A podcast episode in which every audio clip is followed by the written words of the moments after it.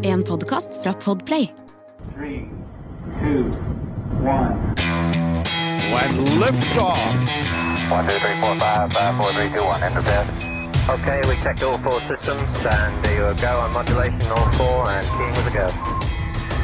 Quality base here. The Eagle has landed. Ok, da får vi finne fram plog og gjødsel, ringe Yara og si at denne episoden av Romkapsel er sponset av Yara. Kunstgjødsel for alle forhold. Det, ja da, Eller- det, absolutt. Vi skulle gjerne hatt Yara som sponsorer, men dette er utvilsomt Senterpartiets drømmeepisode. Det er det. Det er her, står, her står bonden i sentrum.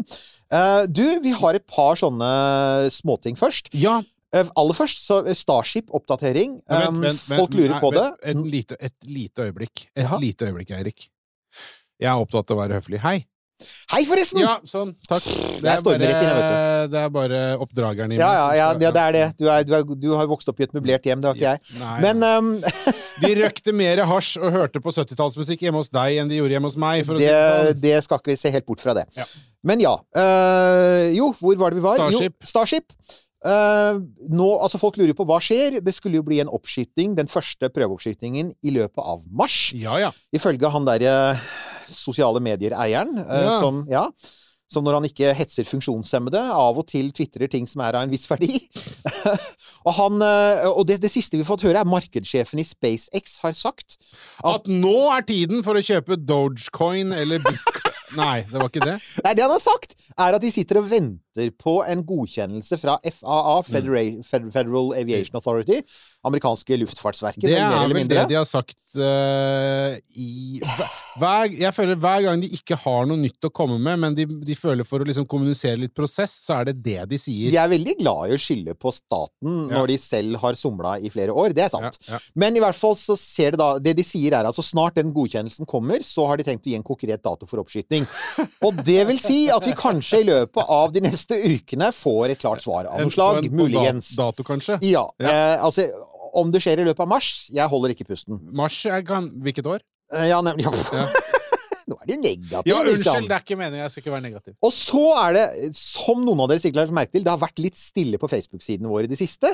Og det er, altså det er jo vanligvis jeg som oppdaterer, og grunnen til det er at jeg er i ferd med å flytte og flytte og tømme leilighet i dag, og selge er et lite mareritt. Mm. Ja. Jeg gjorde det sist for 20 år siden. Det er kommet litt lover og regler som gjør det ganske forferdelig. Altså, Mm. Ja, hvor mange hull har du fått i den gamle leiligheten din? Ja, ikke sant? Og så er det sånn? TG-nivåer og alt dette her, og hvem var det som døde og gjorde takstmannen til Gud, liksom? Men eh, det, det er nå der vi er, og det har tatt sin tid, og, og gjort at det ikke har vært så mye tid til å til å oppdatere, men det kommer mer oppdateringer. Men i den forbindelse så har jeg måttet kvitte meg med ting. Ja, og ofte så er det jo sånn at hvis man flytter, eh, så eh, tømmer man jo naturligvis ut skuffer og skap og boder og det som måtte være. Og så hender det jo da at noen finner ting. Og vanligvis er det sånn Å jøss, det var der det fotoalbumet var. Ja, nemlig. Eller, Oi, ja, der var den gummibåten vi leita etter sommeren 97. Eh, Og så er det andre som finner, finner eh, Noen finner jo selvfølgelig døde kjæledyr og, og kanskje svigermor og, og sånne ting, men, men så er det andre igjen som, som finner ting sånn som du finner. Ja, så jeg kom jo da over denne her eh, faktisk gamle gryta som jeg hadde tatt, som var full av marsregolitt. Selvfølgelig. Altså, simulert marsjord. For Ja, som ja. jeg har vært inne på et par ganger før, for noen år siden så kjørte jeg et prosjekt hvor jeg altså dyrka Forsøkte å være Mark Watney i The Martian og dyrke poteter, ikke i egen avføring, men i hønsemøkk Ja. eh, og marsregolitt. Ja. Og det gikk ikke så veldig bra. Altså, veldig glad for at jeg ikke er ansvarlig for matproduksjon på Mars. Men den sto nå i kjelleren, og så var det jo da, så ble det påpekt at ok, den blir du i hvert fall ikke kvitt, Eirik. Og så plutselig, helt ut av det blå, for en ukes tid siden, så ringer det en kar fra Bergen som heter André Marandon. Og han er kunstner, og han har et kunstprosjekt hvor han har lyst til å bruke marsregolitt, og så har han forsøkt å importere, importere simulerte eh, regolitt. Og så har han fått litt, blant annet litt problemer med tollen, og det husker jeg også at jeg hadde problemer med tollen, fordi at denne veldig finkornede regulitten, som altså er knust vulkanstein, den ser litt ut som et sånt mystisk pulver. Og det var sånn Eirik! Ja, ja, ja. Skal ha vi også en pose med lite pulver? Skal Ja, vi ta ja, et ja. bilde? Ja, ja, Å, jeg- så gøy! Livet skal- blir en milliard ganger når du bare, når du bare gir litt faen, Eirik! Nemlig! Så jeg hadde en svær, jeg hadde flere kilo med, som de sa, et, et slags rødt stoff, endte tolldirektoratet opp med å si.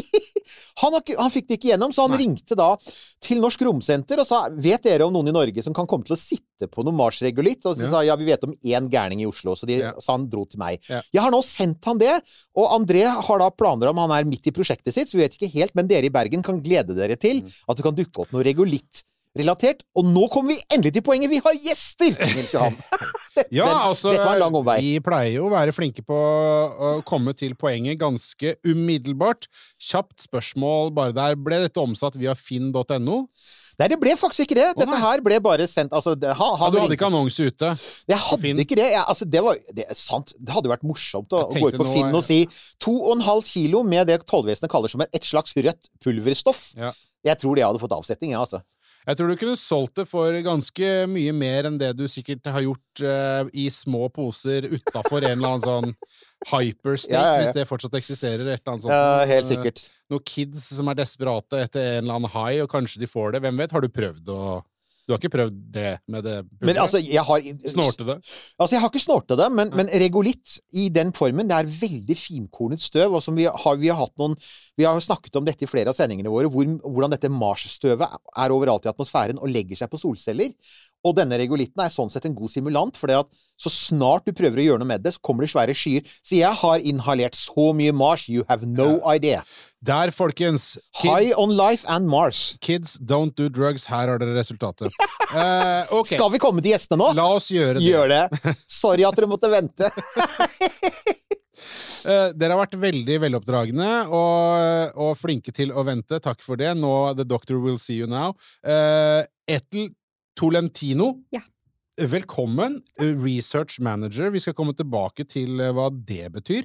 Og Øystein Risan Borgersen, eh, CTO, er det Chief Technical Officer? Techno technology officer. Technology Officer Mm. i Solsys. Solsys. Og da tenker man jo sånn automatisk på litt sånn solsystem, ikke sant? Så hva er, altså, hva er Solsys, eller hvem er Solsys?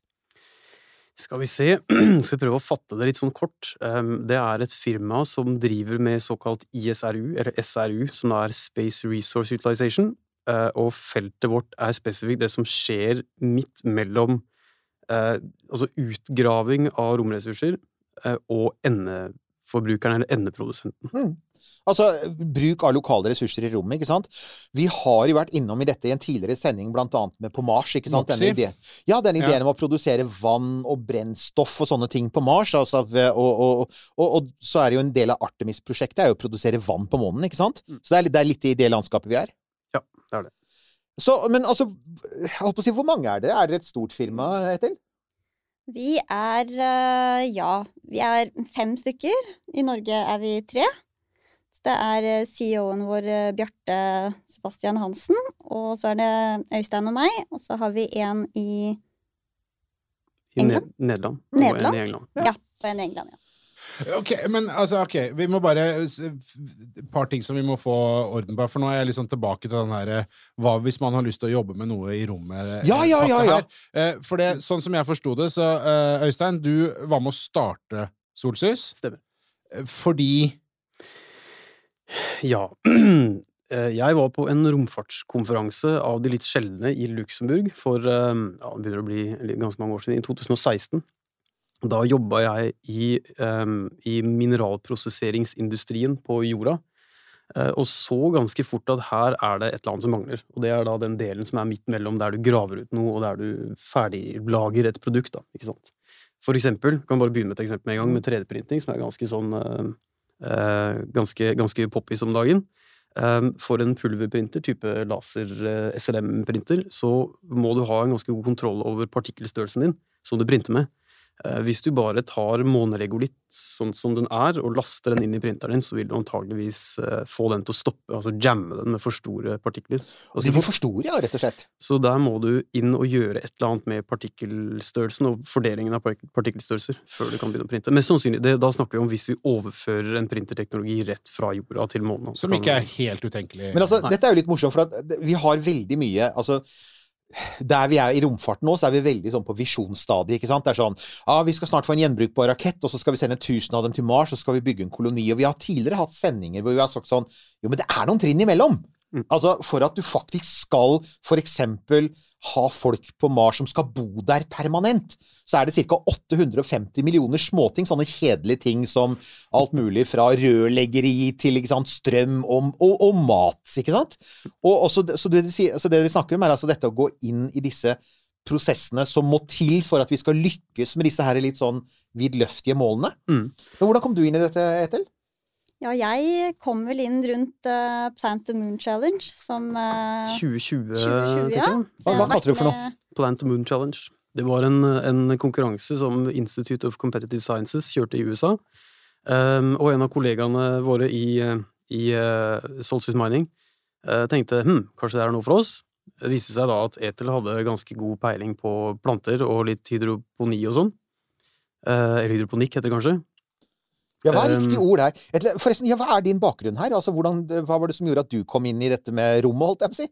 Ja, eller grunnen til at jeg kom inn i Solsys, var at jeg hadde pusha med hydroponisk dyrking for meg selv, men eh, da de skrev den rapporten, så var det noen tilnærminger som eh, var knært, eller, hva skal jeg si, nært knytta opp mot forskningsmetode. Dette med å bruke Se hva er det som fins av forskning om det temaet her, spesielt i rommet. Mm. Hva er det vi vet, hva er det vi ikke vet, hva er det vi burde vite, og hvordan fremstiller vi de tallene her for, eh, for andre. Da. Så jeg kommer inn. Jeg har jo hatt mange hatter hos uh, Solsys, men uh, akkurat nå så er jeg jo er det forskningsmetode da, som er mitt bidrag. Og så, og så liker jeg jo Jeg liker system, og jeg liker at ting skjer, og at det er fremgang. Det var, det var på en måte her ideen kom, da, ikke sant? Det med å, å slå sammen eh, planter og, og eh, det man kaller resource beneficiation, eller oppredning, da, som er den prosesseringa. Ja, altså, og det her, for, jeg, jeg, jeg satt et sånt stikkord her. Det fins jo sånn eh, artikkel, sånn paper her.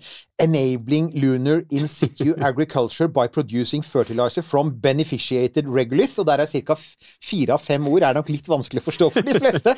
Men altså, det, det er dette her med, igjen, å Dere må uppe det der, det der, det akronymgamet litt. grann. Ja, ja, nei, vi er veldig glad i akronymer. Og jeg, jeg, jeg, det, Jeg min første var sånn her. Ja, eh, Eliab... Men For at vi, vi, skal, vi, skal, vi, vi, vi, har, vi, har, en eh, annen sending som vi skal lage seinere, som handler om eh, ESA sitt Juice-prosjekt. Prosjekt, Mm. Denne sonden de skal sende til Jupiter. Og det er en ren fest av nydelige akronymer. Ja, virkelig. De har sittet, satt seg ned med noe øl og bare kost seg en kveld. Men uansett, altså, dere må jo også, for å gjøre dette her, så må, må, må dere også ha noe penger. Altså, hvem er, samarbeider dere med? Altså, har dere fått noe støtte, eller? Det, det var egentlig sånn alt begynte, fordi vi i Solsys, som en norsk eh, oppstart eh, som også driver med er interessert i verdensrommet, har ikke vært veldig lett å skaffe penger. Nei. Eh, vi har falt mellom stoler her Vi har, vi har falt der. mellom veldig mange stoler. Mange Det- møbler, Dette er ikke helt uvanlig historie i romfarten, dessverre, i Norge. ikke sant? Men, men nå, nå ligger vi, ikke sant? Du har, i, I rommet så har du mye rart. Du har på en måte low earth orbit og jordobservasjon og alt det greiene her. ikke sant? Satellittdata, nedstrøms og sånne ting. Så har du det som er lenger ut, som er typisk månen. ikke sant? Kanskje observasjon av Mars og, og asteroider og alt det greiene her. Og i den siste, som, som, som vi i Norge kanskje ikke er så flinke på, så er det et lite område som kalles Space Resource, eller In situ Resource Utilization, eller Mm. ISRU. ikke sant? Der er vi. Og inni en liten del av det igjen, der er vi, da. Så, så det er, det, er- det, vi fant ganske fort ut at det er ikke så veldig lett å, å spesielt eh, å, å, å, få inn penger til en prosess der du ikke har noe endeprodukt, sånn sett. da, ikke sant? Det er mer en, en, en verktøykasse med, med diverse typer prosesseringsmoduler, ikke sant? Ja, og i tillegg så har du jo ikke sånn umiddelbart noe sted å bruke dette. For det er jo ikke sånn at uh, Det, det finnes jo ikke så mye der uh, nå. Nei, nei men, men jeg mener altså, det er jo en del av de tinga som, som, som man kan se for seg at blir helt avgjørende uh, når man har kommet seg dit. Mm. Men som vi var på innledningsvis her, det er et stykke ditt. Mm. Eh, så, så, så penga som eventuelt skal komme inn her, må jo være penger som er villige til å se Langen. Veldig Langen. Så det vi, det vi til slutt da fant ut, var eh, planter kan være en veldig fin måte for oss å bevise en del av disse her Mm. modulene. Og det funka ganske bra, så da satt vi plutselig med litt støtte fra, fra ESA, faktisk. Som vi egentlig var litt overraska over. Eh, Ja, men ja, vi er det, men, det er mye Jeg kan si litt om den eh, Ja. plattformen til ESA, for den kan også være aktuell for mange som sitter ute og kanskje ikke har en bakgrunn, eller formell bakgrunn, i ting som har med verdensrom å gjøre, men har en idé. Mm. Og den eh, plattformen til ESA heter Open Space Innovation Platform, som vi bare kaller OSIP. Den er nettopp for eh, mennesker, eh, organisasjoner, institusjoner som har en nyskapende idé, som kan bidra til innovasjon, teknologi, eh, tjenester i verdensrommet, da. Og det var perfekt for oss, for vi hadde en idé og en plan om hvordan vi skulle gjennomføre det, men vi trengte økonomisk støtte, da. Og det får vi der.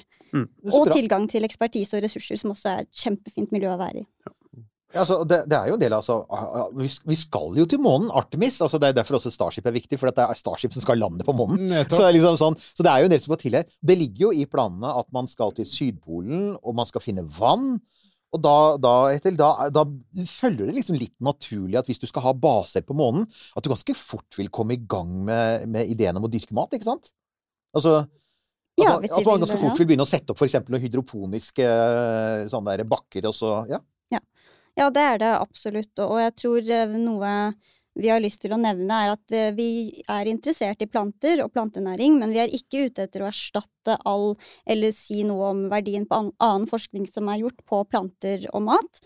Eh, Men vi har, vi har en litt annen tilnærming, hvor kanskje de studiene er basert på næringsløsninger som er henta fra jorda, eller lagd her, mens vi er rett i måneregolitten.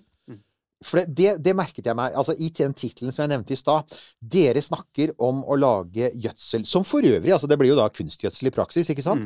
Og det er jo en ting vi kan noe om i Norge. Du nevnte Yara. Ja, altså, der er vi. ja, ja. Hallo, Yara, hører dere? Vi pusher dere hardt her. ja. Vi, eh, vi tar gjerne en prat, vi også, Yara. Ja, alle i dette studio ønsker seg Yara på, på sin side. Men, men, men, men det er jo det, det er morsomt, da. For jeg, har, jeg har også fulgt dette feltet. Og jeg vet jo blant annet at har for, NASA har forsket mye på hydroponiske anlegg, og mye på sånn, å, ta med seg og, Blant annet i romstasjonen i vektløshet. Og det er et uh, institutt i Nederland som forsker på å dyrke direkte i her, dette støvet eller denne regolitten. Men dere snakker om å produsere gjødsel, så dere, det dere egentlig sier, er at Er det, er det sånn å forstå at dere skal ta og, og bruke månestein eller månestøv, regolitt, til å lage, hente ut stoffer som så kan brukes som næringsmidler i et hydroponisk anlegg? Er det det vi snakker om? Ja, det er det vi snakker om. Den studien, eh, det prosjektet vi gjør med ESA nå, som har fått litt oppmerksomhet her og der, det, det virker jo kanskje Det er blitt blåst opp til noe voldsomt. Det virker kanskje som ja, vi skal rett opp til månen og begynne på en jordlapp der og dyrke, og det det er ikke så stort, men det er eh, proof of concept. Vi vil teste om et konsept fungerer. Og da tenker vi på dette med å bearbeide prosessere måneregolitt. Hva kommer ut? Hvor mye er det? Eller hva konsentrasjonen av det? Kan noe brukes til f.eks. plantenæring? Ok. uh, igjen så sitter jeg borte på hjørnet her med absolutt minst studiepoeng av alle i hele rommet. Uh, og det er viktig å poengtere Det er det. Uh, på, Det er- er i, greier, i en altså. stund som dette. Men kan jeg få lov til å prøve med en slags sånn håndverksoppsummering her, her nå? Fordi altså, hydroponisk dyrking, det er ikke noe nytt. Det har vi holdt på med lenge. Det veit vi funker. Skal vi bare veldig fort si hva det er, for Ja. i tilfelle det er noen uh, ja, uten jord. Altså, Det er uten jord, ikke sant? Og planter står da, og, og, og, og røttene deres er i en næringsløsning, ikke sant? Mm. Og så er det veldig sånn kompakt og overvåket, og du pleier som regel å ha god kontroll på lys og temperatur, og, og, og pH-verdien, syre, baseverdien i vann. Alle disse tingene er veldig nøye kontrollert, Mm. og dette er noe vi har gjort lenge. Og det kan være ikke bare på å si, flytende vann, det kan være såkalt fogponics eller aeroponics, som da er bare egentlig en, en, en tåke av næringsstoffer og, og, og vann. Ja, ok, sånn Mystify. Ja, okay, nettopp. Ok. Det, det har vi ko- koll på, ikke sant? Uh, og jeg har vel de, Dette har de jo holdt på med på romstasjonen og sånne ting, så dette, Ja. dette, dette vet vi også at det går an å dyrke salat i verdensrommet. Det, det vet vi. Mm. Det funker. Men så er jo da, hvis man skal følge dette ISRU-konseptet hele veien ut, så skal man jo da ta vann fra Sydpolen på månen, som har vært innom her, Mm. og bruke det vannet, for det blir jo fryktelig knotete å drive og dra med seg masse vann. Mm. Det, det funker ikke. Da må bruke det vannet til en eller annen form for eh, hydroponisk dyrkning, og så kommer Solsys inn og sier at men hæ-hæ, vi skal lage noe, en eller annen næringsløsning fra måneregolitten som gjør at plantene eh, gror og trives bedre. Eh, har jeg skjønt det riktig her nå? Eller, ja, altså eh, Planter må ha en eller annen form for næringsløsning i vannet uansett. Ja. Um, Og, det, er, det ikke, er det ikke det på vannet Det vet man kanskje ikke? Men Vi, er vi veit ikke så veldig mye Nei. om det vannet som, som i så fall er der. Det kan være blanda inn med masse regolitt og være sånne gjørme, grusaktige greier. Det kan være andre ting i det også. Så, så det vi egentlig har gjort i studien vår, eller vår tilnærming der, er å, er å prøve å ikke være et space agency og finne ut av alt, men å si ok, um, den vanndelen den må vi bare anta at blir fiksa, så vi, vi får en eller annen form for vann som er brukbar i vår applikasjon. 1202. Velkommen til Kjemperådet! Yes. Denne gangen har vi fått inn et kjempedilemma fra en familie. Okay. Jeg leser Hei, vi er litt uenige i familien her. Mm. Hvis du skulle vært et dyr, ville du hatt gjeller eller vinger? Oi, den er tricky. Ja, Hva ville dere hatt, da? Altså, jeg vet ikke, men Med familierabatt får de ubegrenset data fra Telenor fra 399 kroner. Da kan de jo scrolle seg til svaret, rett og slett. Ja, ok, Men for min del Ja. gjeller. Nei, nei, Nei. nei, vinger. Nei, nei, gjeller. Ja, okay, ja, Kjempebra. Men eh, se nye mobilabonnement på telenor.no, da. Det er, det er det alle antar, ikke sant? Ja. At for når de sier sånn Jo, det, det vannet skal kunne drikkes, det vannet skal man kunne bruke til planter, man skal, skal kunne vaske seg i det, og det skal også kunne spaltes i hydrogen og oksygen og brukes til brennstoff. Og vi vet at når du først skal gjøre det, så må det vannet være ganske rent, for du kan ikke ha massevis av sånn kjemisk forurensning i sånn Men siden alle antar det, så er det jo Vil man jo Altså, jeg vil jo da anta igjen at de som antar det, eh, gjør det med en viss grad av overbevisning. Ja, ja, ja. At det må jo ligge noen filtre her, da. Noen veldig gode filtre. jo, jo! jo. Men Ja. altså, det er ikke noen grunn til å tro eh, igjen en antakelse at det vannet som er på månens sydpol, er så veldig annerledes enn det vannet vi har her på jorda. Nei, det er nok antagelig riktig. Altså, det, er det, det, kan som du sier være forurenset. For det, og det, det kan man rense. Og det kan godt hende altså, det, man, det som vel også Det er derfor vi, vi har jo snakket om disse her vi skal sende til månen, Ja, ja. som skal kjøre rundt og blant annet sjekke om For når man ser for seg er det, Ligger det som svære isklumper under, eller ligger det som en sånn slags blanding av grugg ikke sant? Mer en sånn blanding av småpartikler? Er det Kanskje, ikke det? Altså, sånn- kanskje, kanskje teppe med regolitt over ja, ikke sant? Altså, det kan være, det, kan, så det, det vet vi vel ikke egentlig ennå. Det er jo noe av det vi skal finne ut. Men det, det er dette ordet her, beneficiated. Mm. Altså, hva, hva betyr det? Altså, hva, hva legger man i det? Jeg tror jeg gir den videre til Øystein, som er den Space Miner-fyren vår. Space Miner-mannen! Ja. jeg har jo, jeg har jobba med, med, med typisk eh, Altså det som heter comminution, eller, eller knusing og pulverisering, Ja. var noe jeg jobba med, og designa produkter innenfor det segmentet på jorda.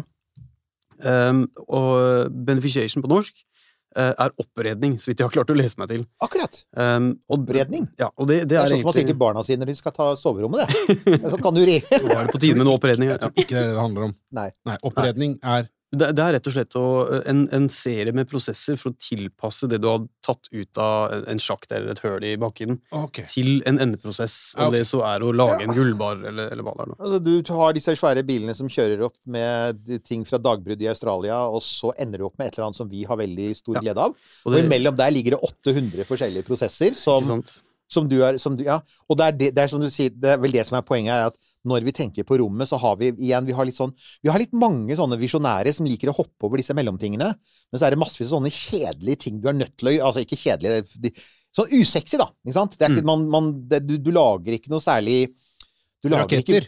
Du lager ikke mye Nei, altså det er ikke raketter, og det er, det er ikke sånn eh, helter som løper omkring og fikser ting. Det er sånn dagligdags arbeid som er helt nødvendig ja, er for at livet skal gå rundt. Industrielle prosesser, rett og slett. Altså. Ja. Mm. Så en, en liten bit med trivia der, sånn, eh, mens vi snakker om ting vi vanligvis ikke ser så mye til. Ja. Uh, alle har jo sett en gruve på en film eller, eller på TV eller et eller annet sånt. Rart, ikke Og nå kjenner jeg glede meg til det som kommer. Ja, ikke sant?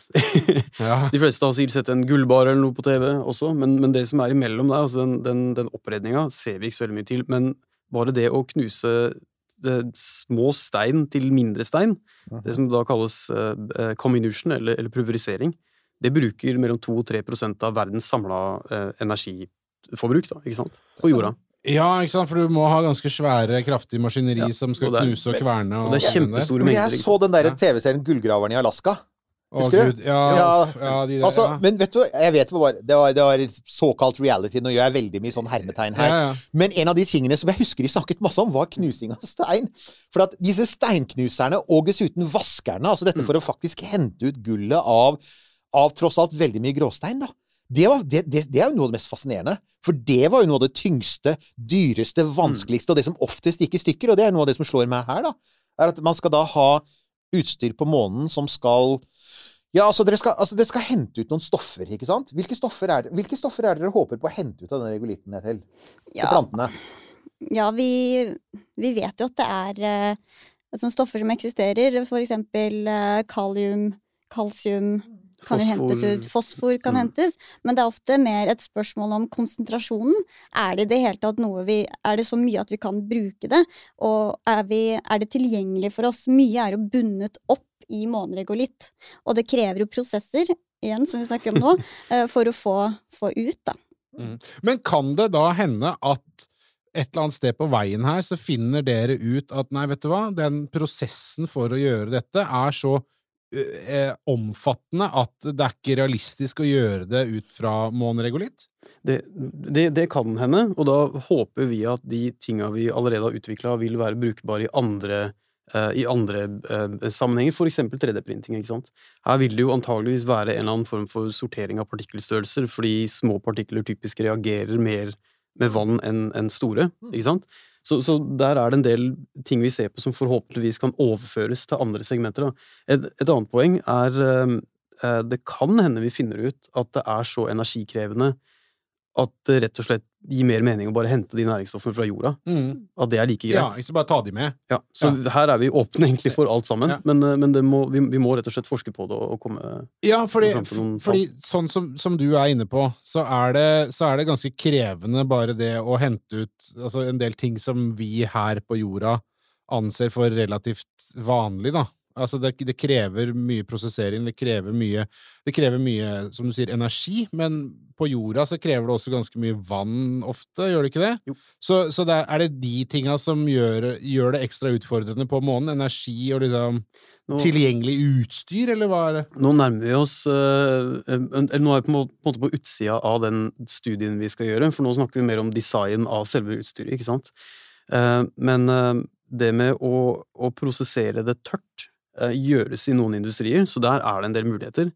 Um, noen andre ting som er, som er viktig å tenke på, er at ok, mange av maskinene som er i det segmentet på jorda, eh, type møller som kaster stålkuler og sånt noe rundt, de bruker Uh, Altså, de, de er avhengig av atmosfæren for å holde Det var det jeg på tenkte å si. Hva med vakuum? Ikke sant? Ikke sant? Blir ikke vakuum en utfordring i seg selv? De, de er avhengig av holde, atmosfære for å holde på vann, de er avhengig av en, en viss tyngdekraft for å få knust ting, ikke sant? Og så er det her- vel det- en ja. ting til, og det at månestøvet er elektrostatisk ladet, ikke sant? Stemmer. Det fester seg til alt. Dette er de berømte bildene fra Apollo 17, Mm. som vi så at jo lengre du er på månen, jo verre blir det, jo, og de kommer inn i alt, og det kommer inn i alle ledd, og det kommer inn i, ikke sant, og det arbeider seg inn under plast, og så, så jeg antar at det også er en utfordring for dere? Men det her kan være altså Enten kan du se på det som en utfordring i forhold til å overføre eh, eksisterende teknologi til månen, Mhm. men du kan også se på det som en potensiell fordel i at du kan gjøre ting på en helt annen måte. Ja. Ikke sant? Ja. Og der, Vi har ikke kommet så langt, men, men det er en del muligheter som er åpne også utenfor det å overføre eksisterende teknologi da, til månen.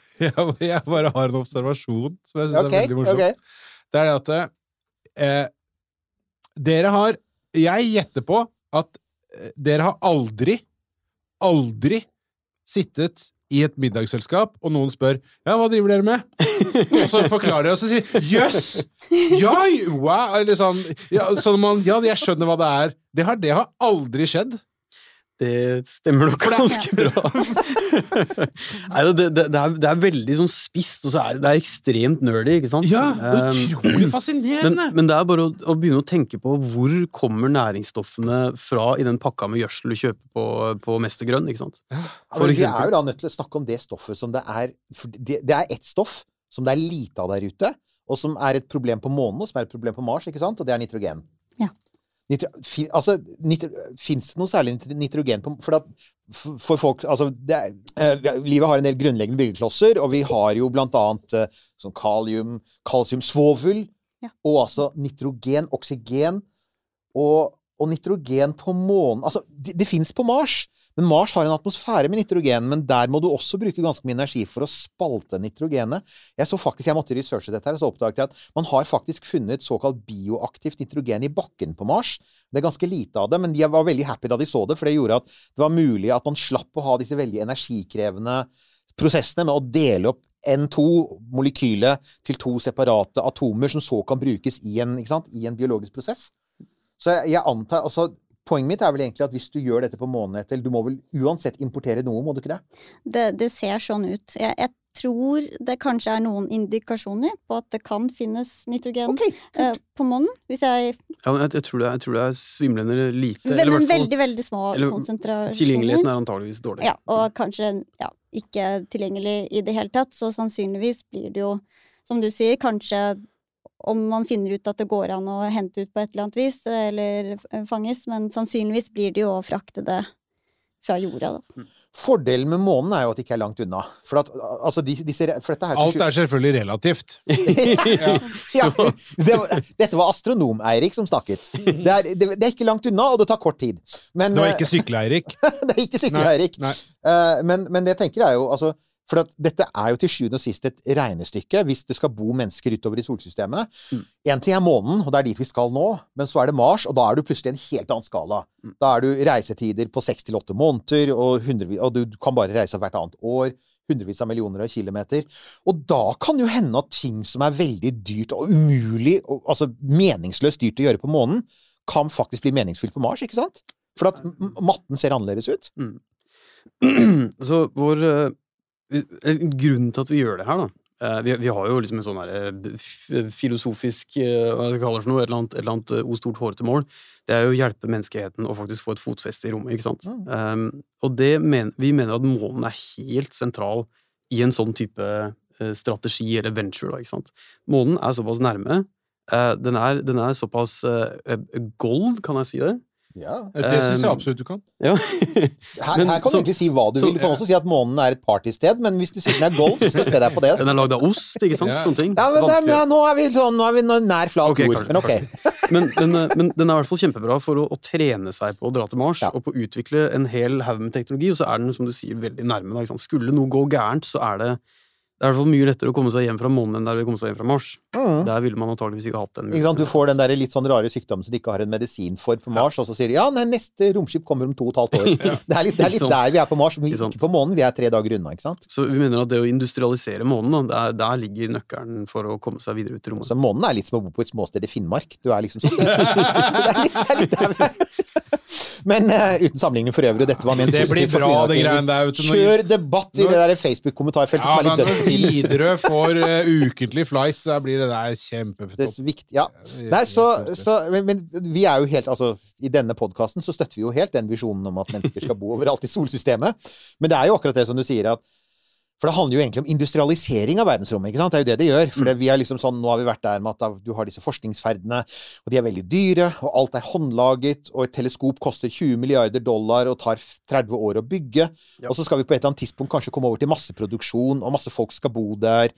Og, og du skal kanskje til og med ha sånne helt vanlige ting som butikker og sånne ting, hvor du har varer, lokalproduserte varer. Kortreist, ja. Kort, kortreist og månemat. det er dyrt, det! Kortreist månesalat. Ja, men det er det de holder på med her, da. Ja, ja, ja men den er eh, Den første, første salathodet der, det blir ikke gratis, Nei, for å sånn. si det sånn. Det er, ja. Høy stykkpris. Vi pleier å bruke den sammenligninga når vi snakker om å komme seg ut i rommet og månen og sånn. Vi pleier å bruke den sammenligninga med når, når, eh, når eh, eh, altså, når den nye verden blei gjenoppdaga, ikke sant? Eh, v- hvis man ser for seg at de måtte tatt med seg alle mulige eh, råvarer og verktøy og alt mulig eh, fra den gamle verden og over, når man skulle bruke det, altså mat og vann og alt mulig, så hadde man aldri Det hadde blitt altfor dyrt å, å, å bli boende der. Ja. Så det de, det de lærte seg, var jo å live off the land, som det heter. Så bruke det de hadde der, lage verktøy av det som fantes, dyrke mat.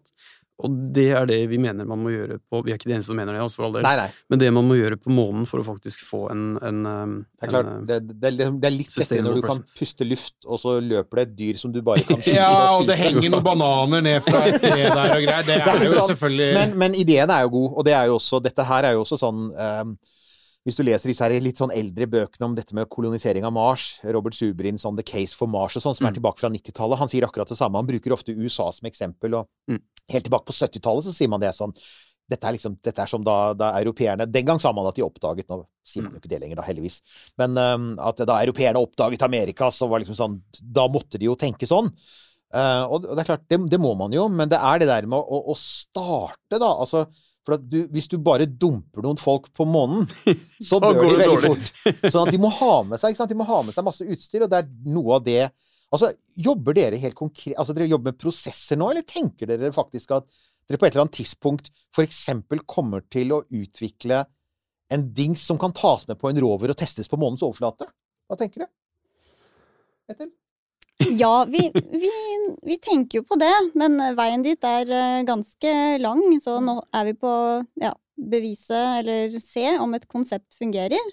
Og så har vi jo vi har ressursene til å ø, utvikle kanskje noe som har med prosessering å gjøre.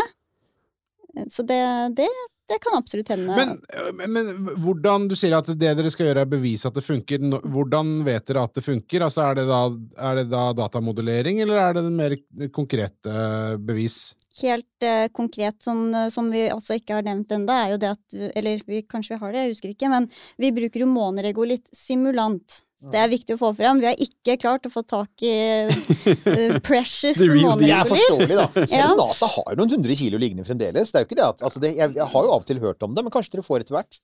Kanskje. Kanskje. Det var, det var en artikkel som kom ut for ikke så lenge siden, der det sto det at vi hadde sjekka ut den derre eh, Apollo- og Sjanger-regolitten som har blitt tatt med tilbake til jorda. Det har vi altså ikke gjort, da. Har dere for øvrig har dere vurdert uh, månemeteoritter? Altså, jeg har jo en månemeteoritt, ikke at jeg vil gi bort den, altså, men, men det er jo, det er jo altså, Og de har jo et lavere prisnivå. Men det er kanskje ikke riktig type det er kanskje ikke riktig, altså for det, det, er kanskje ikke, det går kanskje ikke an å bare lage, male det opp og lage regolitt av det? Vi syns det er litt dårlig gjort å knuse sånne meteoritter og Ja, sånn. nei, nei jeg, jeg ser jeg- den. Vi, vi, vi, ser, altså, eh, vi tror ikke forskjellen kommer til å være så stor, sånn, sånn kjemisk, liksom. Noe av den noe, noe av det som blir den store forskjellen, og den store usikkerheten, er at eh, måneregolitt som den er på månen, er mye mer reaktiv i og med at den ikke har vært i kontakt med noe atmosfære av noe slag. Mm. Og så bombarderes den av Ja, partikkelstråling og- ja. og Men du hadde med deg noe Ja, du har jo eh, med Nå må vi ha litt sånn show and tell her. For det, Skal vi se om vi klarer å Da er vi tilbake til sånn eh, radiohøyrespill fra 70-tallet, med Ja, at de beste bildene får du på radio. Han åpna en, Men, en eh, grå sekk. Mens jeg finner fram det, så eh, kanskje du kan ta resten av det med, med forsøket som du så vidt var inne på. i Ja, ja, ja, for, altså, fortell. Ja, det er måneregolitt-simulant. Og, og de metodene vi bruker til prosessering, er jo noe vi bruker i gruvedrift her, så det er jo kjent, kan man si. Og så er det hvordan vi analyserer de prøvene og finner konsentrasjoner av det. Det er jo metoder vi bruker på jorda, som er pålitelige, eh, og det er jo greit. Men det er jo alle begrensningene rundt, da, som blir eh, som blir interessante. Og måneregolitt-simulant, mange kan jo tenke om det er pålitelig. Eh, men eh, NASA for eksempel har jo en måte å evaluere kvaliteten på måneregolitt-simulant. Altså, NASA har jo én enorm fordel, og det det sammenlignet med Mars-regolitt. Og det er selvfølgelig Man har samples! Altså, De tok jo faktisk prøver, så de kan jo rett og slett Den andre tingen er vel altså at en av de tingene som Apollo-programmet lærte oss, er jo nettopp likhetene mellom altså måneskorpa og jordskorpa. Mm. Så det er, jo, det er jo De kommer jo fra det samme legemet opprinnelig. Mm. Så det er mange likhetstrekk der. Det tenker jeg jo også at, at sånn sett så er kanskje Mars-simulanter antagelig litt mer problematiske, mens NASA kan jo bokstavelig talt si jo, men vi har ekte Apollo-prøver her, og så har vi simulanten her, og de ser helt like ut, og da er det greit, ikke sant? Nå, nå Nils Johan, jeg- hva ja. gjør du nå? Du sitter og ser på har noe grått pulver, du. Tup Tupperware uh, med LH Er det LHS? LHS, det er, Eh, så det, er Lunar Highland Simulant. Highland Simulant, ja. Så de, de lyse områdene på månen, når du ser opp på månen på, på kvelden, det er på en måte det der okay. simulanten er fra. 125 millimeter? Eller 125, 125 mikrometer. mikrometer er nok Så, ja, så, så den der Jeg tenkte jeg skulle være litt forsiktig når jeg tok med det her, så ikke vi får eh, masse regolittstøv i lungene. Ikke nys nå, Eh, ikke nys nå, nei. Teknisk, teknisk avdeling i Bauer Media er sikkert veldig fornøyd med det. Vi Ja, ja. I den der så har vi brukt eh, noe av teknologien vår for å ta ut de små fraksjonene av partikler. Kan jeg det ta på det? Ja da, det går fint. Og der ser du veldig godt at den består av to ganske distinkte Ja, det er en mineraler. eh, mørk her. Eh, Mm. eh, eh, Bitte liten stein, og så er det noe Altså sandkorn, da. Og så er det en lysere, som kjennes ut akkurat som veldig fin, deilig strandsand. Og så ser du på fargen, det liker jeg veldig godt. Det, det, er, det er de samme fargene du ser på Apollo-bildene. Altså disse fantastiske høyoppløselige Hasselblad-fotoene tatt av Apollo-astronautene på månens overflate, hvor du tenker 'dette er svart-hvitt', og så plutselig ser du et amerikansk flagg. Og skjønner 'Å, shit, det er faktisk farger i dette bildet', men månen er totalt den er svart og grå, ikke sant? Det er bare nyanser av det. Og så er det av og til litt sånn brunsjatteringer og litt sånn lysebrunt og litt gult og sånn. Men stort sett så ser det ut som det der, ikke sant? Jeg kan, jeg kan se måte, appellen til uh, denne kunstneren som skulle bruke den der uh, skjønner det veldig godt. Ja. grus, grusen din. Men altså, eh, simulant, hva er, hva er dette faktisk?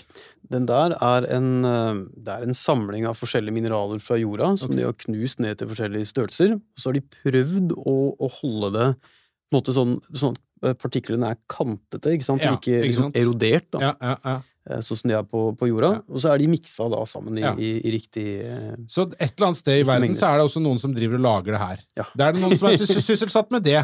Som også har hatt den samme opplevelsen som dere på middagsselskapet. Dette, det, det er også en jobb. Slik gir deg der. 1202. Er det sånn at dere nå først og fremst jobber med partikkelstørrelse, eller jobber dere også med det med et konkret med å forsøke å hente ut noen grunnstoffer fra regolitten?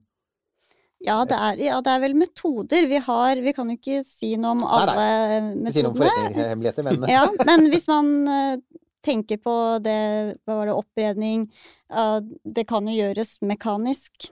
Det kan gjøres kjemisk. Mm -hmm. og det er jo noe vi, vi ser på, da, Mhm. blant annet. Og dette her med da å optimalisere det sånn at ikke du legger inn noe i prosessen som krever en sånn 250 tonns dieseldrevet greie av den typen de har i Yukon når de graver etter gull, hvor det står noe sånn der veldig tvilsomme hillbilly som må mekke på det. Det vil du helst slippe på månen, ikke sant? Det skal være sånn slik og automatisert og Man skal aldri trenge spett for å fikse det. Nei, ikke sant? Nei, det- Og, så bør vi unngå det der med at de samles hver eneste kveld og veier resultatet. Det syns jeg også var hvis, vi, hvis vi klarer å komme oss unna uten noe bevegelig dele, eksempel, så er jo det helt supert. Ikke sant? Det er, også, for det, det er jo sånn ting igjen med at når du skal gjøre dette i rommet, som du sier, så kan det tenkes at man må helt bort fra Mm. Men da Det, det blir, jeg sier ikke at vi skal gjøre det, for det kommer til å bli veldig vanskelig, tror vi.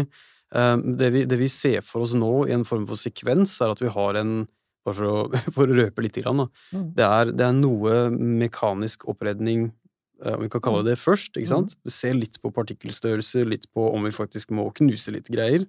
Sånne ting. Mm. Og så ser vi da på en kjemisk del etterpå, som er det å plukke ut næringsstoffene. da. Altså, vi har jo et eksempel, det hadde vi en egen sending om, og det er dette instrumentet som er i Perseverance, Moxie. ikke sant? Mm. Og det er jo interessant, for jeg har sett diskusjoner nå som går på dette med å lage, eh, lager brennstoff og oksygen og vann på Mars i stor skala, hvor de kommer tilbake til Moxie. For de sier det er, det er demonstrert, det funker jo. Det lager jo faktisk det, det, det gjør faktisk jobben. Det lager oksygen på Mars, som er en kul ting. Uh, og, og det, så de har altså klart å demonstrere at instrumentet funker, og at ikke det blir klogga med støv, for at det er jo Mars-atmosfæren. Ja, altså På månen så har de jo ikke noe atmosfære, da, så du slipper dette evinnelige svevestøvet ikke sant, som er overalt. Ja, om det klistrer seg så mye. Men det klistrer seg, det er en elektrostatisk Off, ja.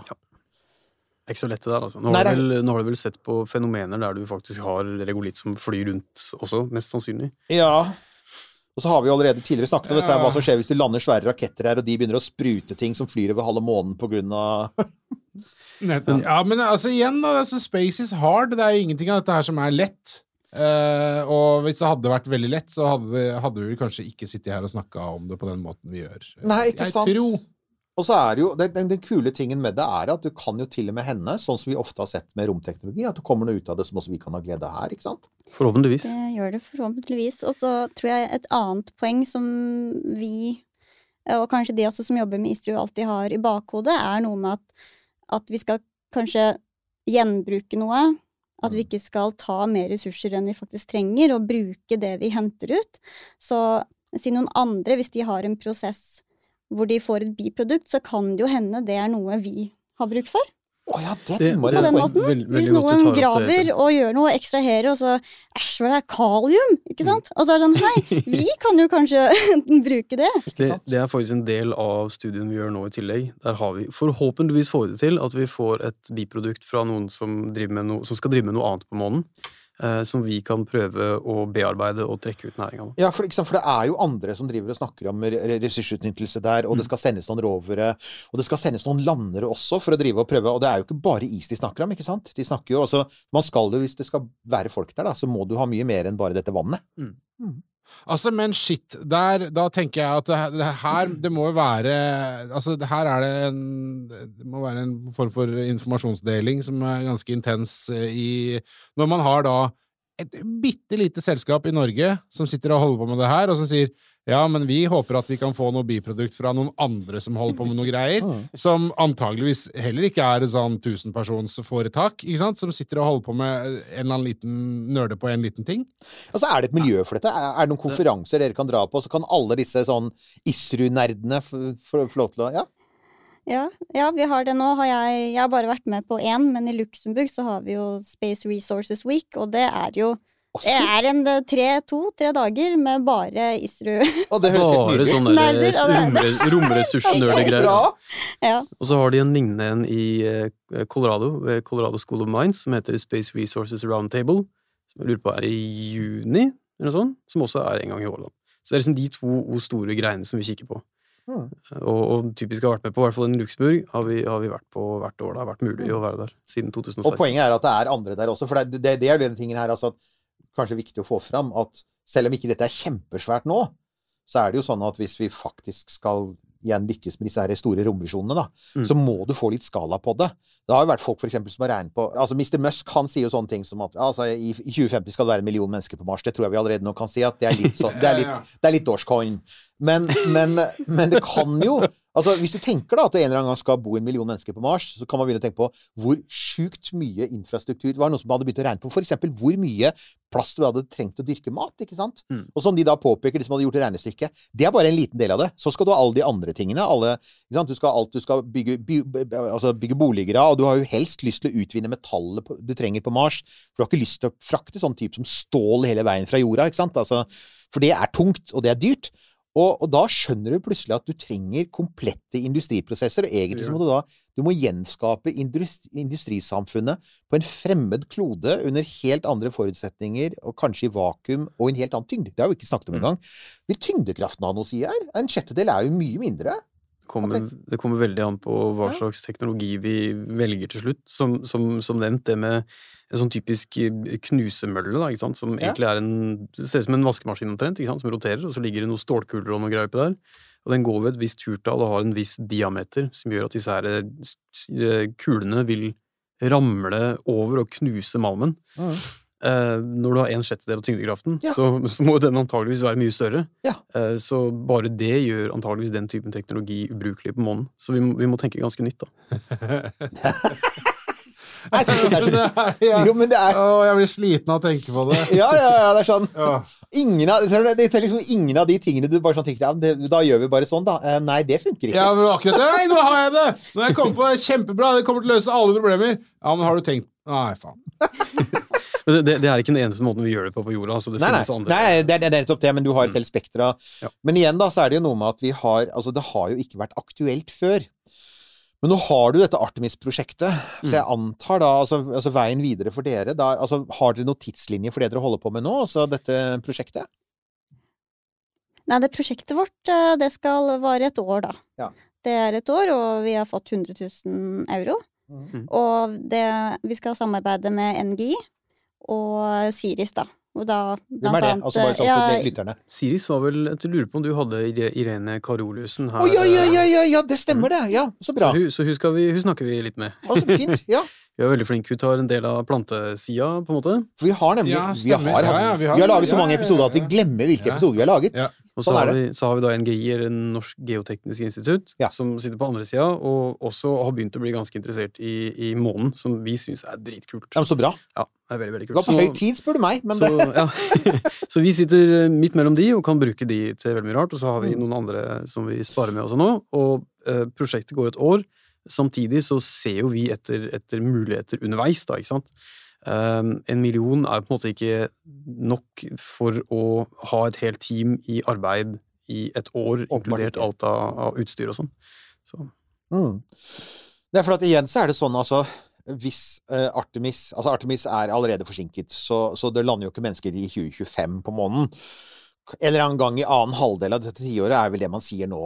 Men, men i, altså Planen er jo, ikke minst med tanke på at kineserne nå driver og fremskynder sitt prosjekt, så antar jeg at amerikanerne begynner å bli litt sånn hissige på at ikke bare bør de helst lande før kineserne, men de bør vel også helst ha en base før kineserne. Og igjen så har de vært ganske Altså, jeg vet vi det hele altså, jeg, jeg vil anta at også i Kina at det forskes på sånne ting. Eh, ja. De bare sier ikke så mye. nei, men altså, altså Alt som gjøres eh, her, gjøres der. Så Ja. det ja, ja, ja, er ikke noe bekymret Så for det er, jo, det, det er jo for så vidt et sånt lite kappløp i gang, men det jeg egentlig sier, er at det er jo ikke så Altså, hvis dere finner fram til noe, da, så er det jo ikke så ve veien videre for eksempel til å ha et testprosjekt på en rover, Mm. en av de mange kommersielle roverne som skal sendes utover i dette tiåret, Mm. den er vel ikke så lang?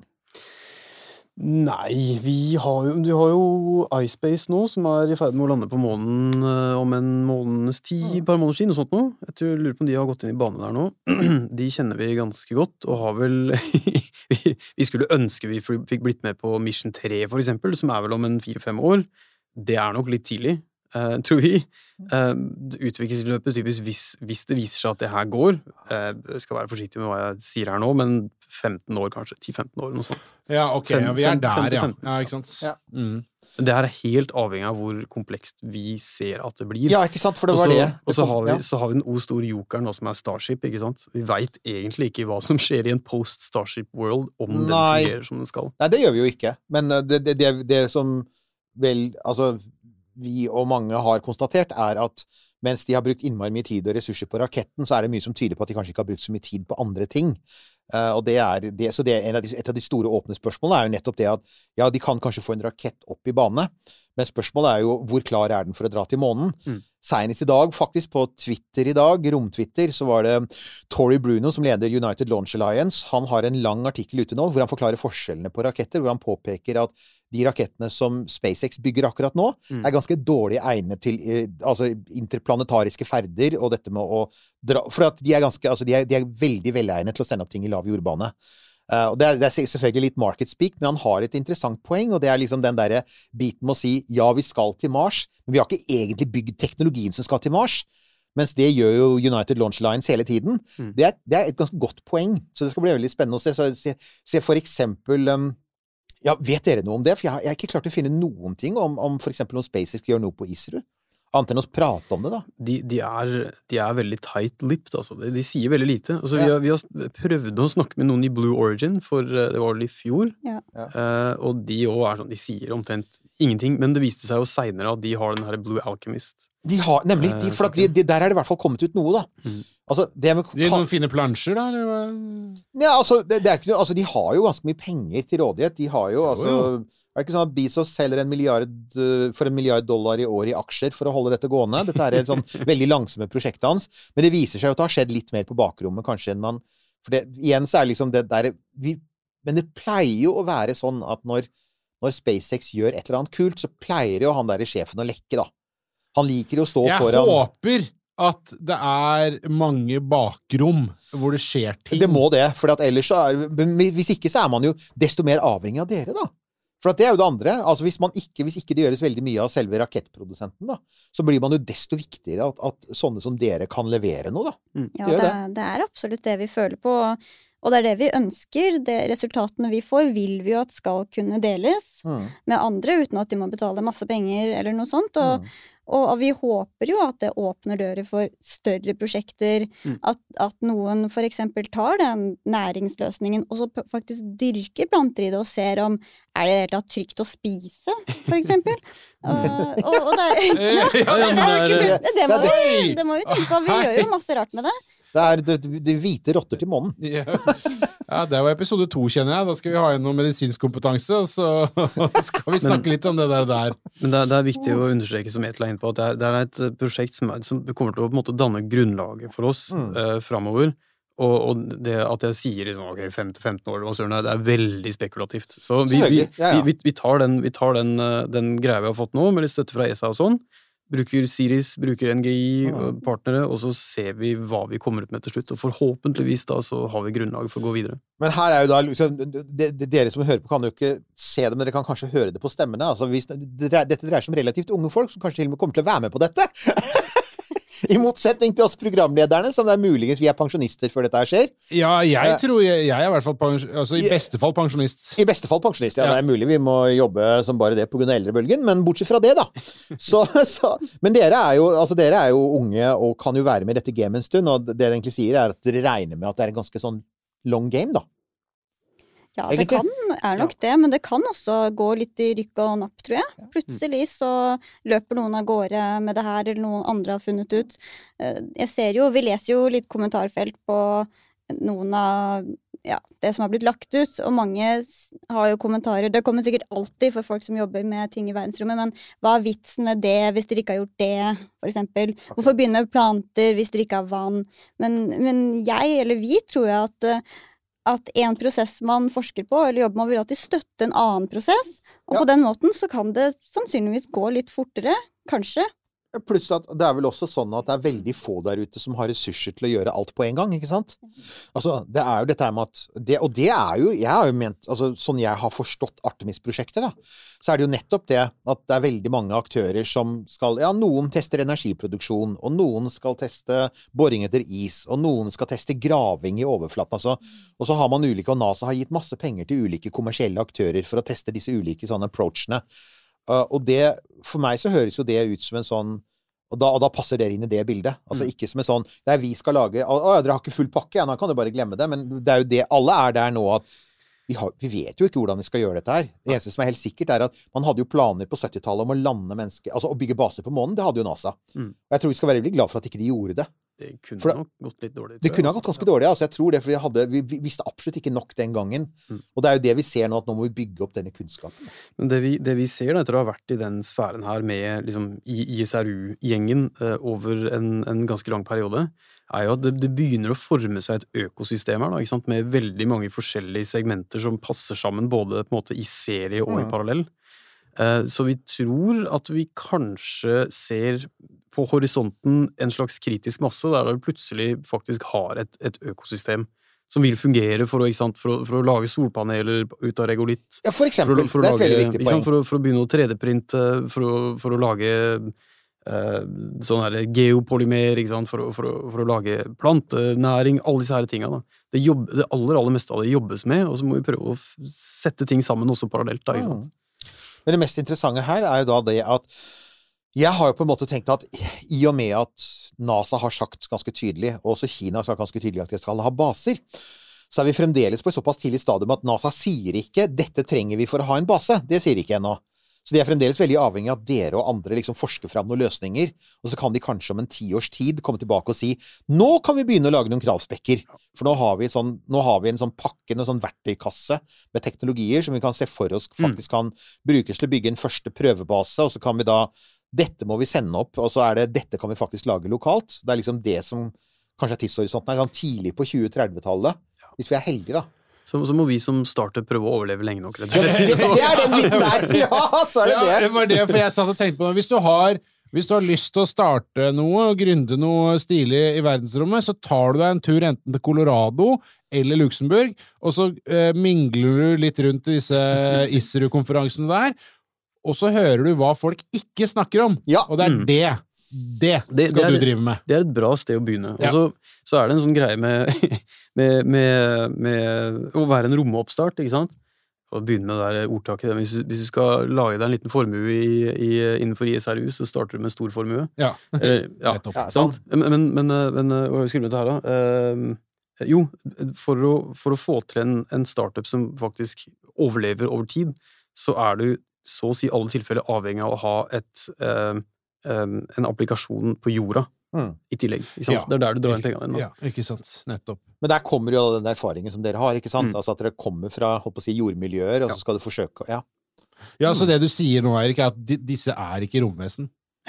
Dere kommer fra, rom, dere kommer fra, rom, fra, fra jordmiljøer. Ja. Vi, vi er egentlig fra jorda, altså. Ja, ja, egentlig. Ja, men det er veldig Og dere hører på podkasten Romkapsel fremdeles. Som Neste gjest, Gry Annike Jarlum her. forsøksvis forsøker å være seriøs. Ja, jeg syns vi har vært ganske ja, da- seriøse ja, men altså, en time, jeg nå. Det, men dette her var jo gøy. Altså, det jeg tenker da, er at vi vil jo veldig gjerne altså, høre mer fra dere når det liksom har gått litt lenger i løpet. Mm. Og kanskje har noe sånn eh, Altså, jeg vet jo at dere kan ikke snakke om alt, men det hadde jo vært veldig morsomt å høre åssen dette går. fordi at igjen, da. Det, vi får jo ikke til industrialisering av rommet kommersiell virksomheter. Altså for at, ja, rom, altså romvirksomhet i dag er veldig sånn, sånn upstream og downstream, og det er mye dataoverføring, og du tar bilder sant? Og så ser vi da for oss, kanskje, ikke minst hvis vi får et romskip som, kan, som Starship som kan løfte 150 tonn opp til en lav, billig penger, da, Mm. så kan man se for seg svære anlegg der oppe. Men et eller annet skal de gjøre. Og du kan ikke bare si ja, vi skal bygge en fabrikk i rommet. Ja, men hvordan da? Altså, altså Det er ikke bare å bygge en fabrikk. Det dere egentlig sier, er alt i rommet kan Det kan hende at alt må gjøres litt annerledes. Mm. Eller mye må gjøres annerledes. Og da må jo noen bygge de tingene, da. Det er det dere holder på med, og det syns jeg er kjempekult. Så vi vil veldig gjerne ha dere tilbake igjen, da. Når dere Definitivt. Ja. Vi er klare, vi, altså. ja, men så bra. Da eh, tenker jeg vi sier det vanlige. Eh, takk for nå. Eh, Ja. Romkapsel på Facebook. Eh, gå inn der. Og hvis du har noen tips til eh, hvordan man henter ut eh, næringsstoffer fra mineraler på månen, så si ifra. Jeg veit om et par stykker som er hypp på noen tips. Og Og hvis dere har sånn derre Ja, men har dere tenkt på Så ja, det har de. Jeg, gjetter- på det. Eh, den, eh, jeg merker nå at den kommentaren var forbeholdt eh, folk med de som anser at de har nødvendig antall studiepoeng innenfor relevante fagfelt. Ja. Takk for meg.